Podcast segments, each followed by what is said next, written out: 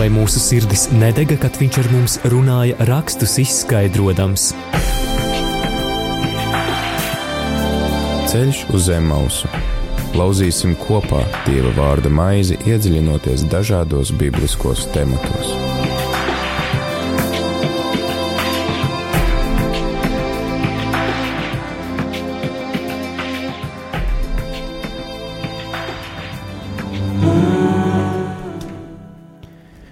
Slavēts Jēzus Kristus, Radio Marija Latvija klausītāji ir 5 un 1 minūte 4.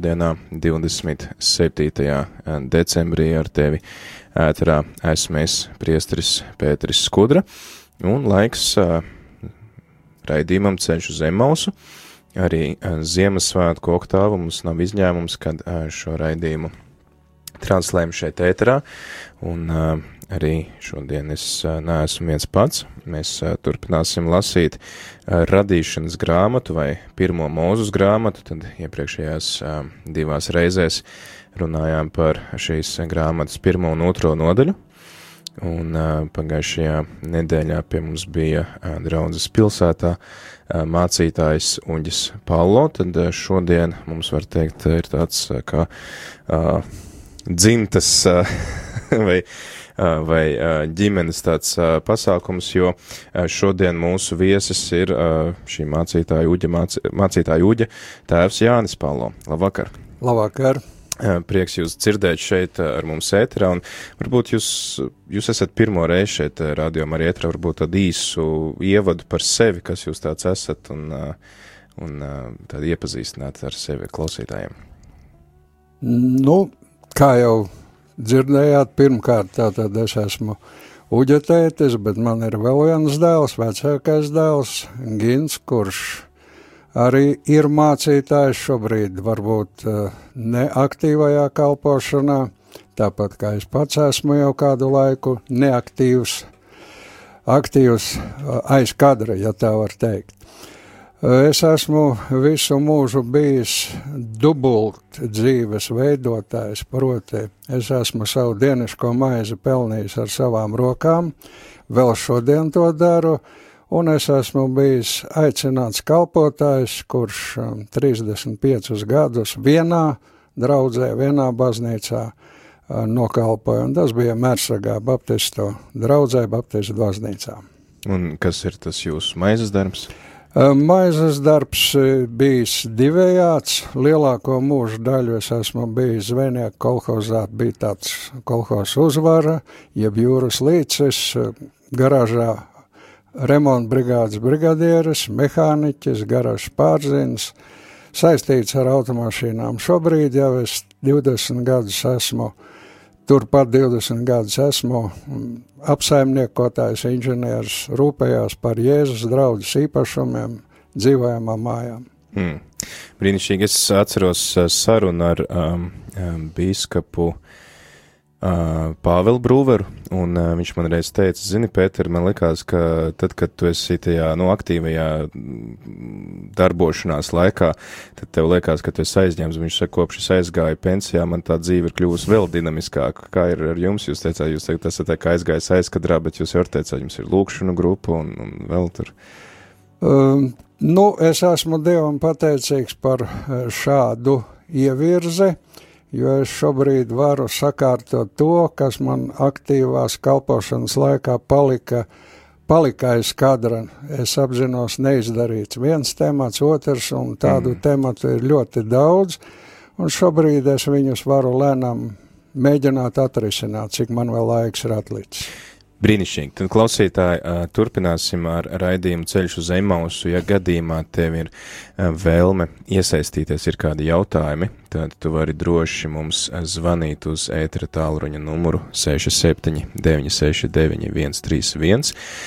Vari arī rakstīt īziņas uz numuru 266-77-272, vai arī raksti ēpastu uz studijāt rml.lv, tad priecāsimies arī par to, ja tu aktīvi sekosi līdzi raidījumam, uzdosi savus jautājumus, kas tev nodarbina tavu prātu. Šodien mēs lasīsim pirmās mūzes grāmatas, radīšanas grāmatas trešo nodaļu, tā kā, ja arī tev ir bībele par rokai, tu neesi šobrīd pie stūres vai, vai kāda darba nodarbināts, tad tu droši vari arī sameklēt savus svētos rakstus un atšķirt uh, pirmās mūzes grāmatas trešo nodaļu un lasīsim stāstu, uh, tādu traģisku stāstu, kā pēc radīšanas, kur viss ir skaists un labs un harmonisks, ienāk grēks.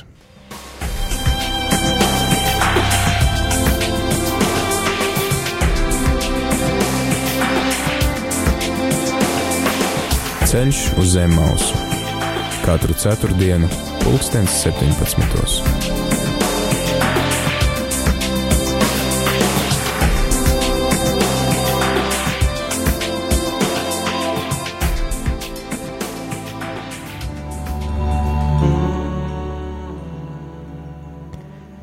Bet čūska bija vismanīgākā no visiem lauka zvēriem, kurus kungs dievs bija taisījis. Viņa teica sievai: Vai tiešām Dievs sacīja, no visiem dārza kokiem jūs nevarat ēst? Sieva teica čūskai, mēs varam ēst no visiem dārza augļiem, bet par tā koka augļiem, kas dārza vidū, Dievs sacīja, nēdiet no tā un neaiztieciet to, citādi mirsiet. Bet čūska teica sievai, mirt jūs nemirsiet, jo Dievs zina, ka tajā dienā, kad jūs no tā ēdīsiet, jūsu acis atvērsies un jūs būsiet kā Dievs, zināsiet, kas labs un kas ļauns. Un sieva redzēja, ka tas koks ir labs, lai ēstu, ka tīkams acīm un kārojams prātam, un viņa ņēma tā augli un ēda, un deva arī savam vīram, kas bija kopā ar viņu, un viņš ēda. Un abiem atdarījās acis, un nu viņa zināja, ka ir kaili, un viņi sašuva vīģu lapas un uztaisīja sev gurnautus. Un dienas vēsumā viņa dzirdēja, ka dārzā skan kunga dieva balss, un cilvēks un sieva paslēpās no kunga dieva dārzā starp kokiem un kungs Dievs sauca cilvēkam un teica viņam: Kur tu esi? Un tas teica: Es dzirdēju dārzā tavu balsi un nobijos, jo esmu kails un es paslēpos. Un viņš teica: Kas tev pastāstīja, ka tu esi kails? Vai tu ēdi no tā koka, par ko es tev pavēlēju, nēdi no tā? Un cilvēks teica: Tā sieva, ko tu man devi, viņa man deva no tā koka, un es ēdu. Un kungs Dievs teica sievai: Ko tu esi izdarījusi? Sieva teica: Čūska mani pievīla, un es ēdu. Un kungs Dievs teica čūskai: Tāpēc, ka tu to darīji, tu esi nolādēta starp visiem lopiem un starp visiem lauka zvēriem. Uz vēdera tu līdīsi un rīsi pīšļus visas dienas, kamēr dzīvosi. Un es celšu ienaidu starp tevi un sievu, starp tavu pēcnācēju un viņas pēcnācēju. Viņš tev sadragās galvu, bet tu viņam sadzelsi papēdi. Un sievai viņš teica: Vairotis vairošu tev grūtumu, kad tu būsi grūta mokās, tu radīsi dēlus. Savu vīru tu kārosi, bet viņš valdīs pār tevi. Un cilvēkam viņš teica: Tāpēc, ka tu paklausīji savas sievas balsī un ēdi no koka, par ko es tev pavēlēju, nēd no tā, nolādēta, lai tevis dēļ zeme, mokās tu no tā sēdīsi visas dienas, kamēr dzīvosi. Tev sadīgs no tās ērkšķi un daži, un tu ēdīsi lauka stādus, savu vaiga sviedros tu ēdīsi maizi, līdz tu atgriezīsies zemē, no kuras tu esi ņemts, jo pīslis tu esi, un pīšļos tu atgriezīsies. Un cilvēks savu sievu nosauca vārdā Ieva, jo viņa bija visu dzīvo māte, un kungs dievs darināja cilvēkam un viņa sievai ādas apģērbu un ietērpa viņus. Un kungs dievs teica: Redzi, cilvēks ir kļuvis kā viens no mums, zina, kas labs un kas ļauns, un tagad, ka viņš vēl neizstiepja roku, lai ņemtu arī no dzīvības koka un ēstu un dzīvotu mūžam. Un kungs Dievs izraidīja viņu no ēdenes dārza, lai apstrādās zemi, no kuras viņš ņemts. Un viņš padzina cilvēku un uz austrumiem no ēdenes dārza iemetināja ķērubus ar atvēstiem liesmojošiem zobeniem, lai sargātu ceļu uz dzīvības koku.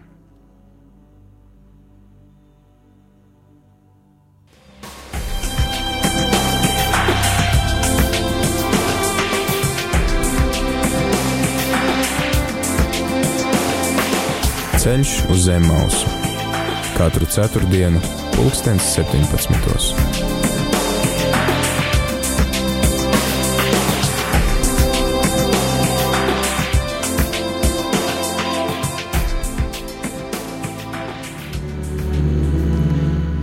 Rādījumā arī Latvija klausītāji ir 5 un 10 minūtes ar tevi ēterās. Mēs priestris Pēteris Skudru un kopā ar mani arī mācītājs Jānis Pallo. Šodien tad uh, mēģinam saprast un iedziļināties radīšanas grāmatas vai pirmās mūzus grāmatas trešajā nodaļā, kuru arī nu pat dzirdējām. Tāds uh, traģisks stāsts, kurā mēs uh, redzam arī pirmā kārdinājuma sekas, kad eh, cilvēks eh, pakļaujas šim kārdinājumam un arī sagrēko, un tad attiecīgi, eh, kas tiek izmainīts šajā visā pasaules kārtībā, šajā visā arī harmonijā, kas ir bijusi pasaulē, un tad kāda ir kļuvusi tā pasaule pēc šīs grēkā krišanas.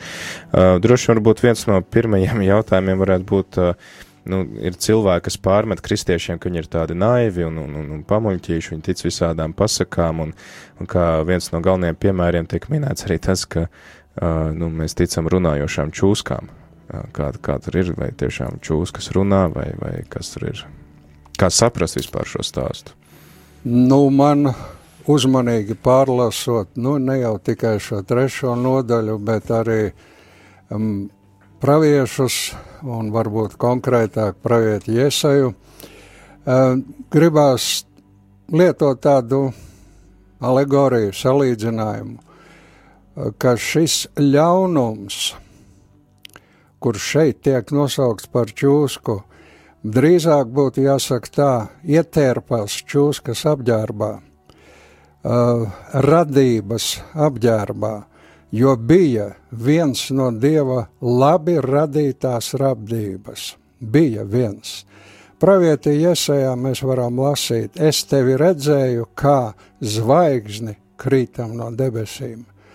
Un ja, ja brīdi atpakaļ dzirdējām, kad it kā šeit mēs sastopamies pirmo reizi ar kārdinājumu, bet kas tad bija iemesls, kāpēc šis ļaunums tika no debesīm izsviest. Tur nebija kārdinājums kļūt kā dievam, mm. kur radās ļaunie eņģeļi un sātans. Ja drīkst, es patreiz gribu beigt par čūsku. jā, bet uh, kā vispār saprast šos, šos radīšanas uh, grāmatas stāstus, īpaši arī līdz uh, nu, stāstam par Abrahamu, uh, vai, vai mēs viņiem varam pieņemt, ka viņi ir tādi Tiksim, tā, tas ir pierakstīts tā, kā tas ir bijis, vai mums tas ir kaut kā jāmēģina saprast simboliski, vai, vai kā, kā raudzīties šiem notikumiem? Um, laikam šeit problēma veidojās, ka mēs no mazotnes esam dažāda veida tautu klasisku literatūru lasījuši, jeb, teiksim, bērniem visbiežāk lietotāt pasakas, un mums uh, daudzi pasaku tēli liekas kā realitāte. Mm. Bet, eh, ja mēs, ja mēs uzmanīgi pieliekam šeit blakus domu, ka Dievam viena diena ir kā tūkstots gadi, un tūkstots gadi kā viena diena, vai tu cilvēks to spēj savās dimensijās izmērīt, ko tas nozīmē? -hmm. Un vai Dieva vārds nav rakstīts kā ļoti laba gr rokas grāmata, nevis kā brīnumu stāsts, bet tie notikumi, vai nav domāti, lai tu šodien savu dzīvi varētu augstākajā kvalitātē atrisināt. Un tā tad nevis čūska, bet ļaunums. Mm -hmm. Jo šodien, ja tu redzi čūsku, tu taču pārbīsties. Es domāju, atkal pietiek. Jā. Tad uh, varam, varam pamazām iedziļināties šajā stāstā. Tad, tad ir, uh, mēs esam iepriekš iepazinuši, kāda ir bijusi šī pasaule, un uh, kad ir uh, viss, viss ir cilvēkam pakārtots un pakļauts, un viņam ir uh, jādarbojas šajā dārzā. Viņš var arī, Dievs viņam klāja galdu, ir liela svētki, viņš saka, ēd visu, ko tu vari atrast, izņemot vienu augli, un kas ir interesanti, ka šie čūska nāk, viņi saka, vai tiešām Dievs sacīja, ka no visiem dārza kokiem jūs nevarat ēst, kas ir pretrunā ar, ar otrās nodaļas 16. pāntu, kas saka, ēd no visiem koka dārziem. Uh, jā, man šis jautājums savā ziņā patīk un fascinē, jo ceru, ka jūs visi līdzi lasot, jeb klausoties un zinot otro nodaļu, pamanījāt, ka sievas atbilde kaut ko kariķē. Dievs teica, tev nebūs ēst, un viss. Bet sieva, ko atbild čūskai? Nedrīkst ēst un aizskart. Un aizskart nedrīkst. Jā. Viņa tā tad jau papildina, viņa ir gudrāka. Jeb kā lai to saprot. Mīļie, mm, nevienu dievs nekārdina. Katru kārdina viņa paša kārības. Un izrādās, ka tā ir laikam nelaime vēl pirms laikiem radusies. Es nemēģināšu jums šobrīd to atbildēt, jo es toreiz nebiju. Kad, eh, kad Jēzai redzēja, ka sātans kā zvaigzne krīt no debesīm. Bet, eh, bet mēs sastopam pašās pašās Bībeles pirmajās lapās, kad tieši sātans, šī čūska, ļaunums, cilvēku kārdina ar ko?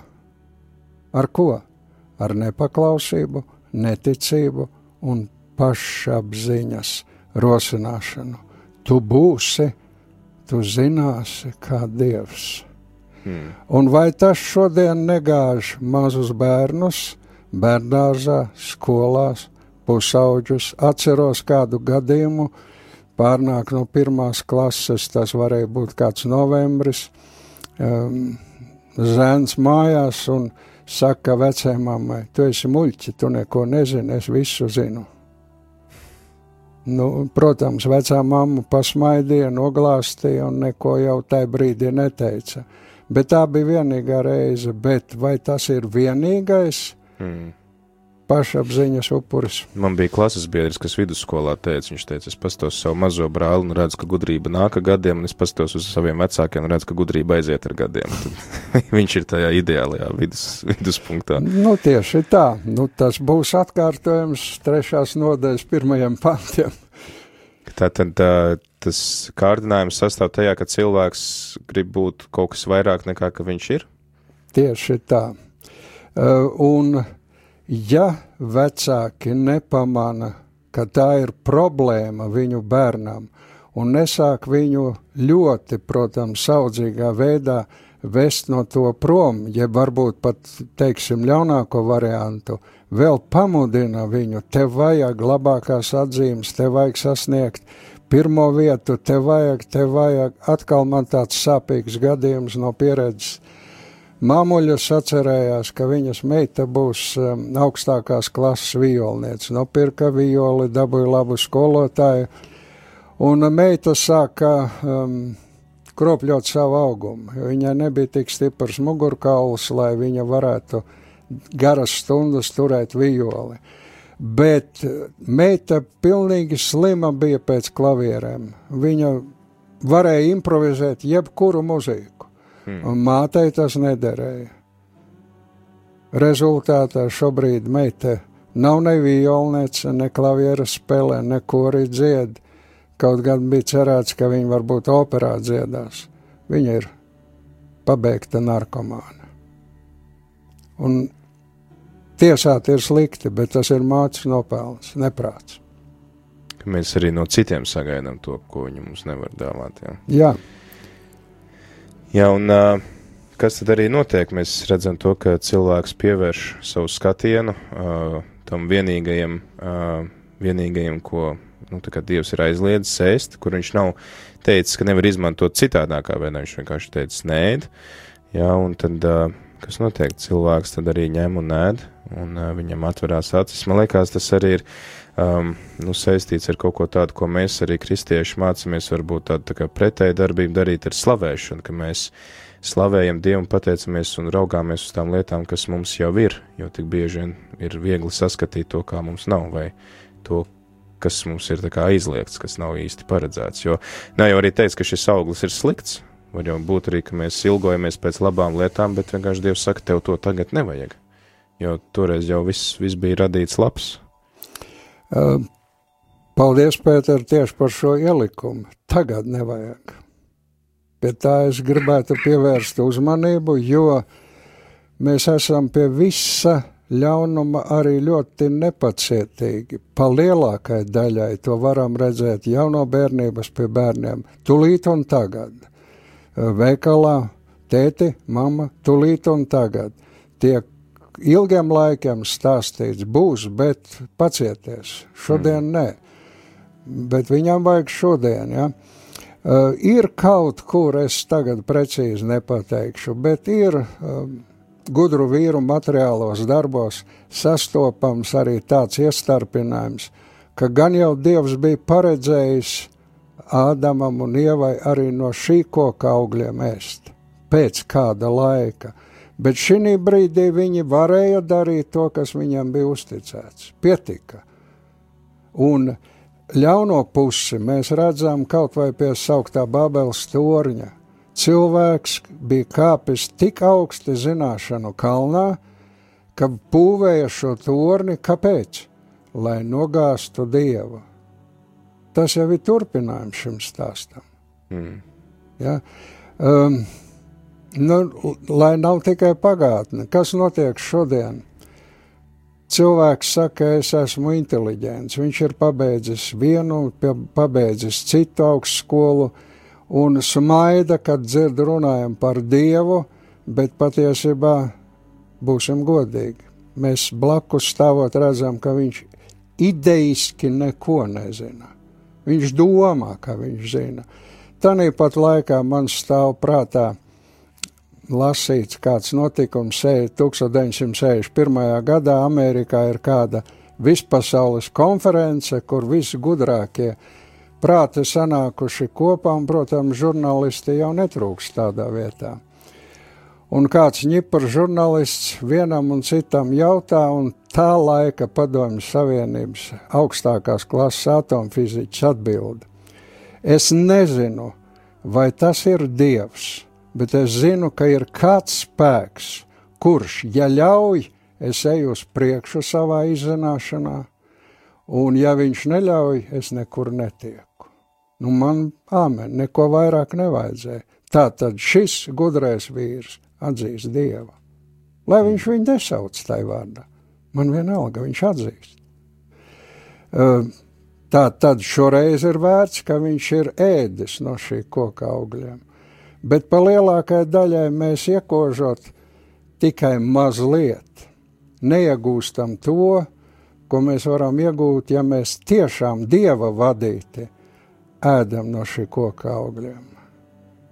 Jo man arī radās jautājums par šo gudrību, jo Čūskas saka, jūs būsiet, tad viens būsiet kā dievs, jo jums būs šī spēja nošķirt to, kas ir labs un kas ļauns, Un, teiksim, šīs zināšanas un, un gudrība, arī teiks, ka čūska ļoti gudra. Vēlāk mums taču ir vesela arī svētajos rakstos sadaļa, kas saucās gudrības literatūra, Salamana mācība, pamācības un Salamans mācītājs, un šīs grāmatas, kas runā par to, cik gudrība ir ārkārtīgi vērtīga un ka tā ir kaut kas tāds, kur ir jālūdz Dievam, jāmeklē arī, kad Salamanam Dievs saka, ko tu vēlēs, prasa, es tev došu, viņš saka, dod man gudrību Ja, un Dievs viņu uzslavē, viņš saka, tu esi prasījis tiešām to labāko, un to, kas tev visvairāk vajadzīgs, un es tev līdz ar to arī došu visu pārējo. Kāpēc taču šeit, kad cilvēks tā kā vēlās zināt, kas ir labs, kas slikts, ka tad viņš, nu, tā saņem tādu pārmetumu no Dieva? Nu, tieši jau tas ir tas moments. Dievs teica, tev nebūs ēst no šī. Viņš gaidīja ticību un paklausību. Jo ticēt vajadzēja, ka, ja tu ēdīsi, tu mirdams mirsi nevis uzreiz, bet tas nozīmē, ka tu palēnām, bet atmirsi. Iesi bojā. Jā, Salamans ļoti augstu ceļu. Psalmos mēs arī lasām. Dieva bijība visas gudrības, gudrības sākums. Jā. Sāksim ar to. Tātad, ja Ādams un Ieva būtu paklausījuši Dievam, Dievs viņam nebūtu liedzis arī šos augļus, bet viņi būtu sagatavoti. Šodien mēs bieži, kā jau es pieminēju, šo violas spēli, mēs vecāki izdarām ļaunu, grūzdami bērnus tur, kur viņi vēl nav gatavi. Hmm. Sportā un, un, un visur, kur. Ja? Te vajag sasniegums, te vajag sasniegums. Pagaidi, pagaidi, pagaidi, kad viņš tam būs gatavs. Um, iesākumā man bija mazliet par sevi jāstāst. Atgriežoties, es biju kādu laiku mūsu biskupam par šoferiem, divus sasaukumus. Viņš mani mudināja liecināt, līdz ar viņu viesojoties kādos dievkalpojumos, dziedāt solo, un tas bija viss. Tā dienā, kad es tiku it kā aicināts darbā, es griezos pie viņa pēc atbalsta, jo es um, pats sevī sapratu, ka es neesmu sludinātājs, gatavs. Un viņš man atbildēja iepriecinoši, viņš teica, vēl es tevi nebūtu sūtījis. Bet pagāja tikai divas nedēļas, un šis pats vecais vīrs mani apsveica un teica, draudze tevi ir ievēlējusi. Hmm. Uh, Tā tad šo divu nedēļu laikā viņš acīm redzot, pie Dieva bija saņēmis atbildi, ka es esmu gatavs. Hmm. Bet es vēl pusotrus gadus pats nezināju, kad es esmu sagatavots. Un pēc pusotrām gadiem, jā, es arī šodien es zinu, kad no bērna gultiņas, kurā kā zīdainis es tiku ieguldīts, jau Dievs mani gatavoja.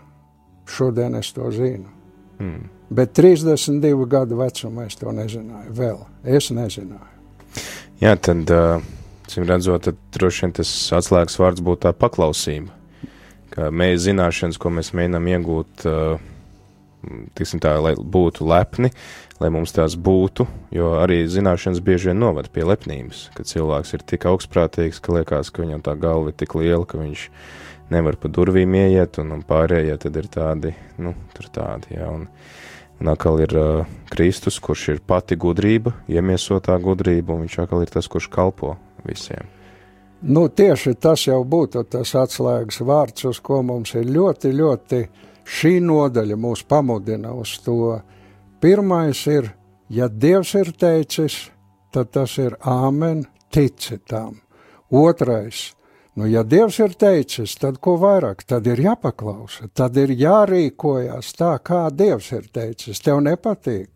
Nu, ko ģedzemes dārzā mēs lasām, tu pieminēji Kristu. Kristus saka, ja tas var būt, bet nē, nē, nē, nē stop, stop. Ne mans prāts, tavs. Jā, viņš bija cilvēks, nepārmetīsim. Viņš bija cilvēks. Tajā brīdī viņš bija ideāls cilvēks, dzimis no sievietes. Ja, viņš parāda, ja, pa, ir iespēja būt tik nespēcīgam, bet lūdzu atkāpies. Lūdzu atkāpies, notici tēvam paklaus tēvam. Ja. Un te nu mēs savam paraugam, savam piemēram nesakojam. Jā, tad uh, paraugs mums ir pats Kristus, kurš māca uh, paklausīt, un viņš arī mums to rāda jau no paša savu iemiesošanās brīža, un arī no dzimšanas brīža, ko mēs svinam arī tagad šajā Ziemassvētku oktāvā, tāpēc arī piedāvāju noklausīties tagad dziesmu par mazo bundzinieku, kurš steidz sveikt bērnu Jēzu, un tad turpināsim šo sarunu. Atgādinu klausītājiem, ka, ja tev ir kāds jautājums par pirmās mūsu grāmatas trešo nodaļu, droši zvani šeit uz Radio Mariju Latviju ēteru 67 969 131, vai arī raksti īziņas uz numuru 266 772 72, vai arī raksti e-pastu uz studijāt rml.lv, un mēs tad arī ar mācītāju Jānu labprāt atbildēsim uz taviem jautājumiem, kas tev liekas svarīgi un aktuāli lasot šo rakstu vietu. Our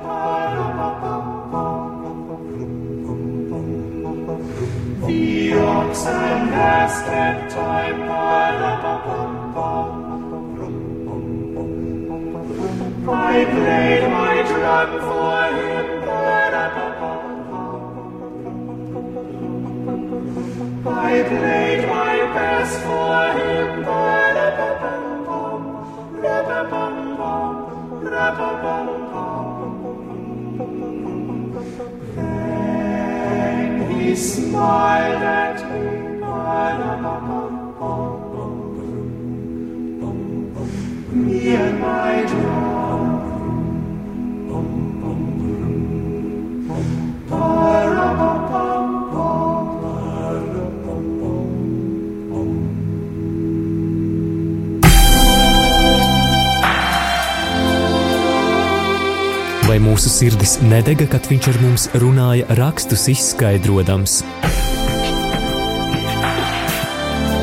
Ceļš uz zem mausu. Lauzīsim kopā Dieva vārda maizi, iedziļinoties dažādos bibliskos tematos.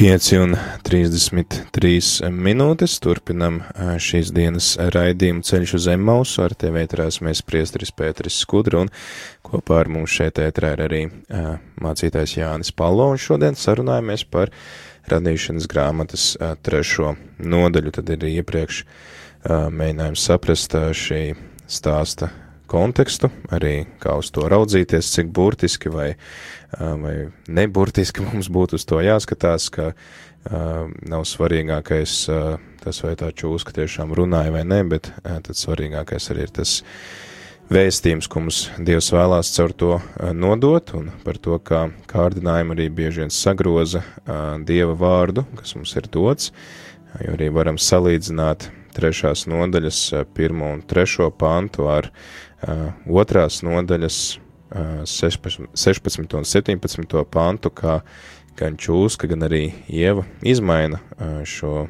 dieva pavēli. Runājam arī par to, ka šī gudrības iegūšana nav nekas slikts, bet tā arī nedrīkst mūs vest lepnībā un ka gudrības viss iesākums ir dieva bijāšana un arī paklausība dieva gribai. Bet tad, turpinot par šo stāstu, mēs arī redzam tās sekas, kas notiek ar pasauli, kad cilvēks ir sagrēkojis. Pirmkārt, cilvēks baidās no dieva, viņš arī pats sevi uzlūko ar kaunu. Iepriekš viņš nekaunējās no sevis, tagad viņš kaunās no sevis, tāpat arī tad uh, Dievs norāda uz šīm izmaiņām gan attiecībās cilvēku starpā, ka tātad sieva kāros pēc vīru, viņa laidīs bērnus pasaulē lielās sāpēs, un savukārt vīrs valdīs pār sievieti, un tad arī visa zeme no tā cieši, arī darbs vairs nav, nedod tik lielu gandarījumu, jo, ja mēs lasām, ka sākumā darbam ir, nu, tāds dievišķs aicinājums, ej un sargā un, un, un iekārto to dārzu, tad tagad ir teikts, ka uh, tu to darīsi ar vaigas sviedriem un tev tas sagādās grūtības un nevienmēr nesīs augļus, jo augs arī ērkšķi un daži, uh, un, un beigās gal galā arī cilvēks, uh, nu, par pīsli no, no zemes ir ņemts un par, par zemi arī pārvērtīsies un atstās šo pasauli. Tad, uh, jā, kā, kā mums saprast šo, šīs visas izmaiņas un šo stāstu? No vienas puses, teiksim tā, ja mēs gribam šodien uz savu dzīvi skatīties ar situāciju, kāda bija pirms grēkā krišanas, pirms šī kārdinājuma izskanēšanas, nu, tad tā no malas skatoties, gribās teikt, cilvēku, vai tu esi pie pilna prāta. Tā ir jau aizšķirta lapa, tādas vairs nav. Tagad uz dzīvi ir jāskatās, nu, brālis Pēters minēja, ja? vajag sviedros savu maizi ēdīsi, zeme tev neizdos vienmēr to, ko tu viņā liksi iekšā, piedodiet.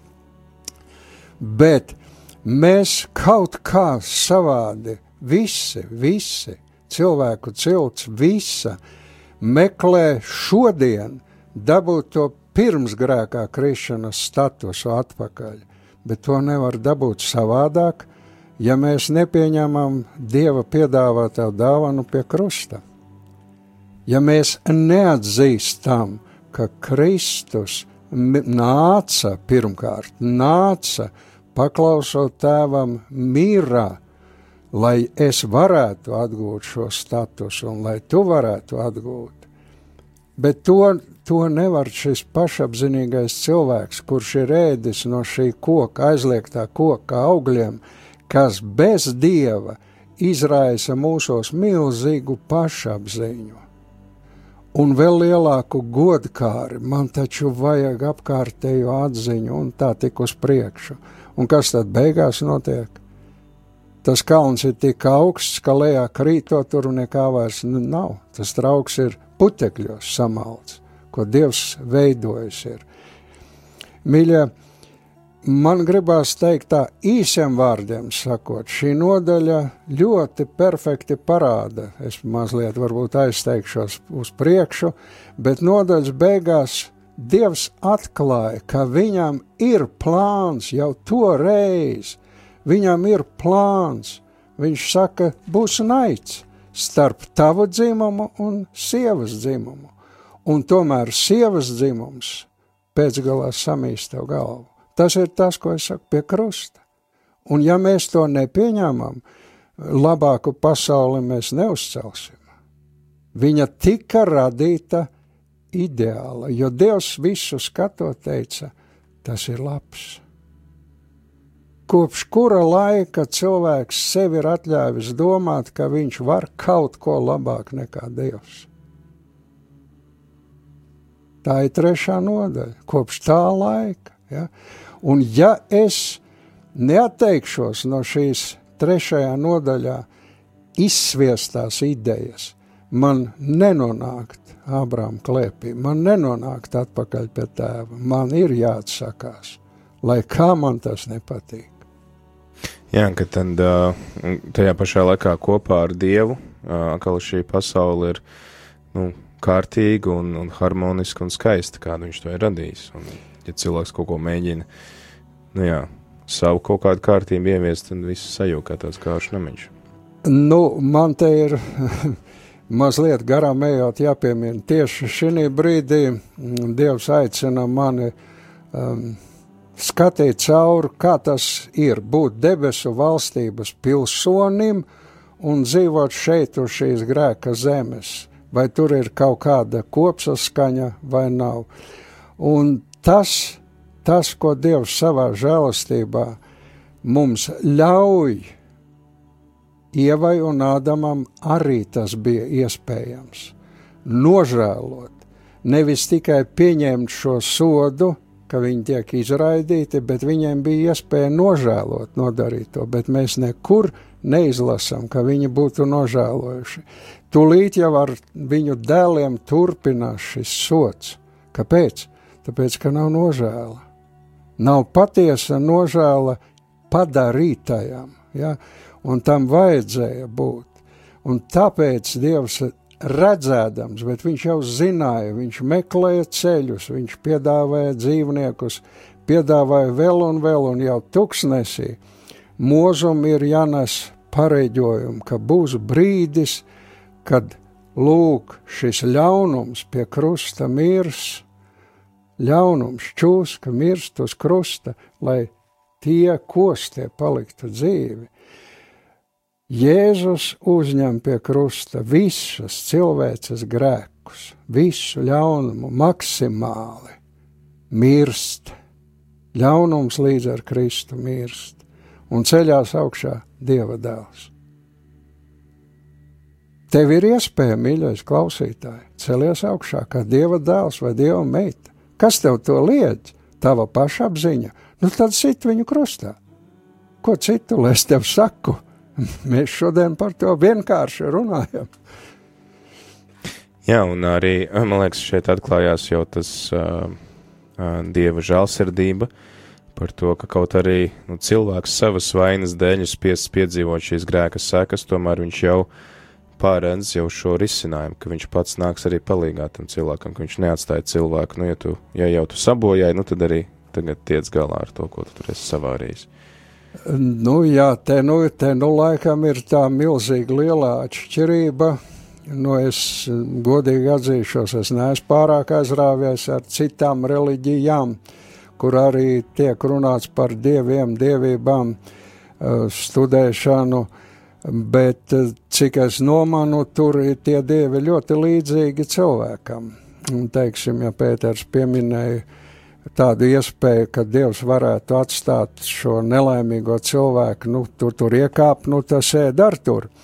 Nē, nē, tā var rīkoties cilvēciskais tēvs, cilvēciskā māte, var tā rīkoties, kaut gan, nu, tiek aizrādīts, ka māte savu bērnu nepamet, bet, bet arī Dievs pieļauj. Praviešos mēs lasām, tā var gadīties, ka māte var, bet es nē. Un ar to tieši vienīgais dzīvais Dievs ir unikāls, ka viņš nekad, nekad, nevienos apstākļos, ne mazākā mērā nav rīkojies līdzīgi, kā rīkojas cilvēks. Viņš vēl vairāk saka, viņš saka, jūsu domas nav manas domas, un jūsu ceļi nav mani ceļi. Un tā ir tā problēma man nu pat pēdējā laikā, uh, ar kādu cilvēku daudz ir iznācis cīnīties, ka cilvēks, mm, nu, cīnīties, savāds vārds, um, sarunā cīnīties. Cilvēks ne, negrib, nespēj saprast, ka Dievs um, uz lietām neskatās tā, kā mēs cilvēki. Un ka Dievs bieži vien atļauj cilvēkam būt slimam, lai viņu pasargātu no vēl lielāka ļaunuma kā slimība ir ļaunums. Es saku, bet paskaties, tur tas gadījums. Ā, nu jā, nu redz, un tev bija jābūt slimam, lai tas nenotiktu, lai tu tur nebūtu. Nu jā. Jā, kad no kaut kāda ļaunuma Dievs spēja pagriezt vēl lielāku labumu, man nāk prātā stāsts par Jāzepu un viņa brāļiem. Diez vai Dievs gribēja, ka brāļi pārdod verdzībā savu brāli, bet tajā pašā laikā viņš no šī ļaunuma à, nu, to visu vērš par labu, ka viņš var izglābt veselu tautu un, un arī šo savu nu, izredzēto cilti no bada. Mm, tieši tā, tieši tā, un tas būtu, paldies, tas ir tas ļoti spilgtais bibliskais piemērs tam, ka Jāzeps paskaidro brāļiem, jūs bijāt paredzējuši man ļaunu, bet Dievs to pārvērtē jums visai mūsu dzimtai un visai Eģiptes tautai un visai tā laika pasaulē par vērtību. Ja? Un eh, te jau ir tās laikam man gribas teikt, atgriezīsimies sākumā. Dievs teica, tev nebūs ēst. Tai dienā, kad tu ēdīsi, tu mirdams virsi. Kāpēc? Kāpēc? Tāpēc, ka šī nav tā diena, kad tev ir jāēd, kad tu esi gatavs ēst. Ja? Viņš nepaskaidroja, bet tāpēc viņš ir Dievs. Viņam jau nav man jāpaskaidro. Viņš redz to, ko es neredzu. Viņš dzird to, ko es nedzirdu. Viņš zina to, ko es varbūt pēc 50 gadiem uzzināšu. Kāpēc viņam man jāpaskaidro? Es jau nesapratīšu šodien viņa paskaidrojumu. Jā, tad arī paļauties uz to, ka tas, ko Dievs mums vēl, viņš vēl tikai labu.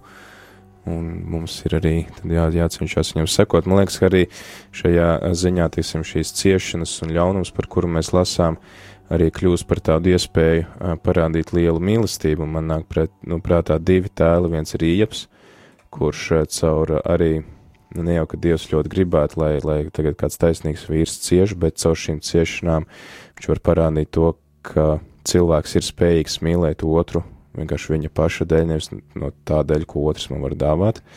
Un arī pats Kristus, kurš caur ciešanām parāda to mīlestības vērtību, cik radikāli var būt šī dieva mīlestība attiecībā uz mums. Nu, man pat gribās, Pēter, papildināt pēdējo tevis teikto.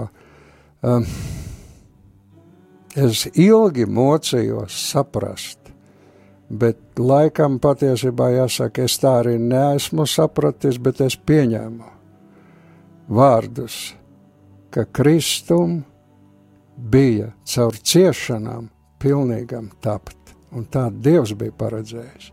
Kristum, nu, nu kurš cilvēka prāts to var pieņemt? Kristum, pilnīgajam, kurš varēja tuksnesī sātanu apklusināt kurš apklusināja Sinedriju, visus gudros bārdainos vīrus.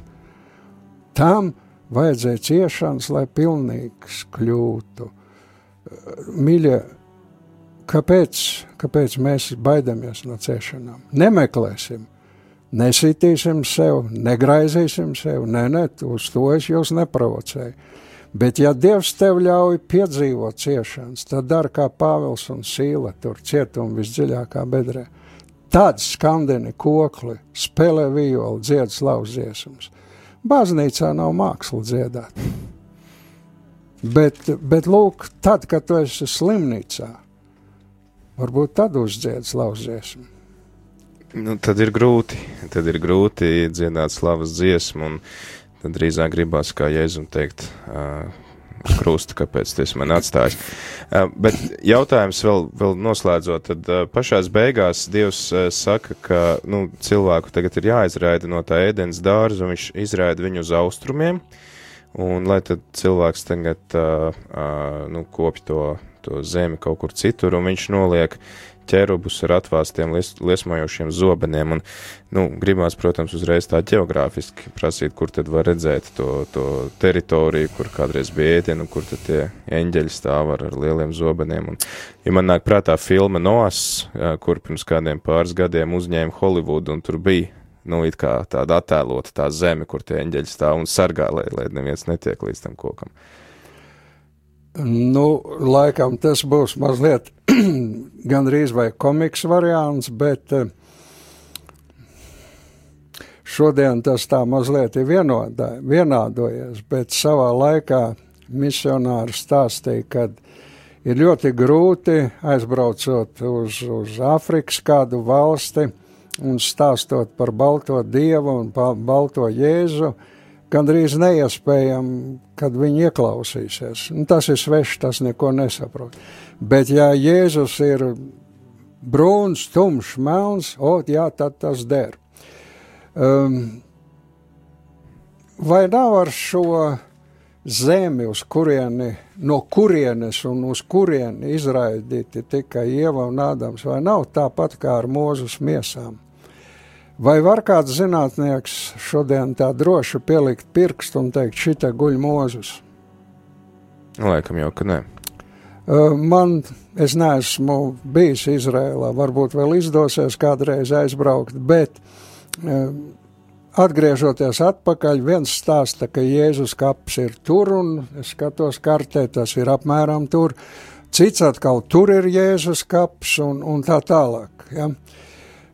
Mīļie, ko tas mainīs, ja mēs šodien uh, skaidri varētu pateikt, kur ir šī divupe, kur atradās ēdienas dārzs? Ko tas mainīs? Tur nekā vairs no tā nav. Nav. Jo pirmkārt, ķērubi jau vairs ar pa šo zemi nestaigā. Es nezinu, kur viņi ir.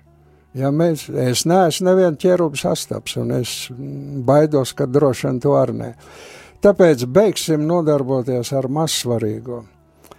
Eh, svarīgais ir Dievs ir tik žēlīgs, ka Viņš mani un tevi no savas puses negrib atstāt apgrēcībā. Viņš piedāvā nāc ārā, kāp ārā, tev viss ir dots priekš tam. Sievas dzimums, ļaunuma galvu ir sabradājis, tad kāpēc tu to neizmanto? Tas vienkārši aicinājums nostāties uzvarētāju pusē šajā cīņā, kas jau principā ir uzvarēta. Un tomēr, un tomēr mums vēl ir tās sakas jūtamas. Nu, iegriez pirkstā, aizdziedē, un to brūci tu tomēr redzēsi. Un ilgi redzēsi, paies desmitiem gadu, redzēsi, bet tev nesāpēs. Un vai tas nav tas svarīgākais, ka nesāpēs, ka tā stīga, kas tevi pavedināja, kārdināja, ka tā ir izrauta. Jā, bija, nu bija, nu, nu ko darīt, tā ir vēsture, bija. Ko tad varbūt rezumējot un noslēdzot šo raidījumu, mēs varam teikt, ka lai arī cik zemu mums gadītos krist un, un, un uh, sagrēkot, ka tomēr Dievs paliek uzticīgs un viņš ir gatavs mums steigties palīgā, ja mēs arī nožēlojam un lūdzam to. Kaut gan īstenībā Ādama un Ievas gadījumā viņi pat, kā jūs arī teicāt, viņi nenožēlo un tomēr viņš viņiem dod drēbes, viņš viņiem dod arī šo apsolījumu, ka nāks diena, kad viņi tiks glābti. Nu, atkal jāatgriežas pie tā, Dievs ir savā žēlsirdībā tik unikāls. Viņš liek saulē spīdēt par taisniem un netaisniem. Lietum līt par ļauniem un labiem. Ja? Uh, nu, viņš ir tēvs, viņš mūs mātes klēpī no šūniņām, no mikrā daļiņām ir salicis katru individuāli. Mīļa, mēs neesam fabrikas eksemplārs sērija veida nemīļa. Un mēs bieži kļūdāmies, ka mēs viens otram eh, spraužam ceļu tādu, kādu es esmu gājis. Nemīļa, mēs tā nedrīkstam darīt. Katram ir savs ceļš ejams, mērķis jā, mērķis jā, atpakaļ pie tēva, pie radītāja. Tas jā, vienots, bet, bet vienam ir gludāks ceļš, citam ir šķembaināks ceļš, vienam caur ērkšķiem jāspraužās, cits iet caur roždārzu, nu, nu pa, pa, pa, pa, pa, to radītājs nosaka. Ne, neapskaudīsim, kam ir vieglāks ceļš ejams, un nebakstīsim ar pirkstu to, kam ir grūts ceļš ejams. Tā kā ieap draugi darīja pieminētā stāstā. Ja? Tā ne.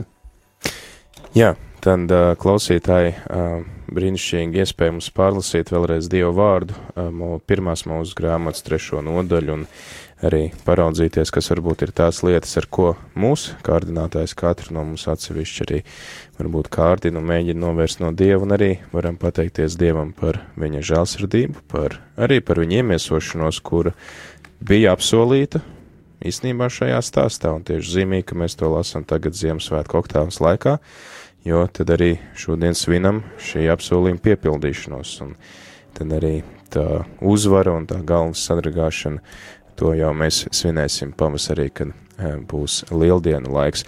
Paldies arī jums, Jāni, eh, ka bija laiks atnākt un eh, pārdomāt Dievu vārdu kopā ar mums un to arī skaidrot katram no mums. Tad klausītāji tagad slavējot eh, Dievu par eh, viņa iemiesošanos un par eh, viņa glābšanu, ko viņš mums ir nesis.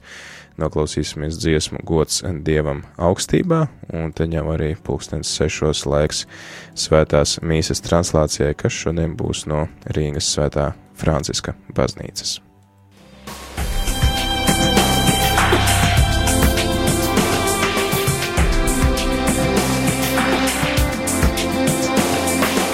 Ceļš uz zem mausu katru ceturtdienu, pulkstens 17.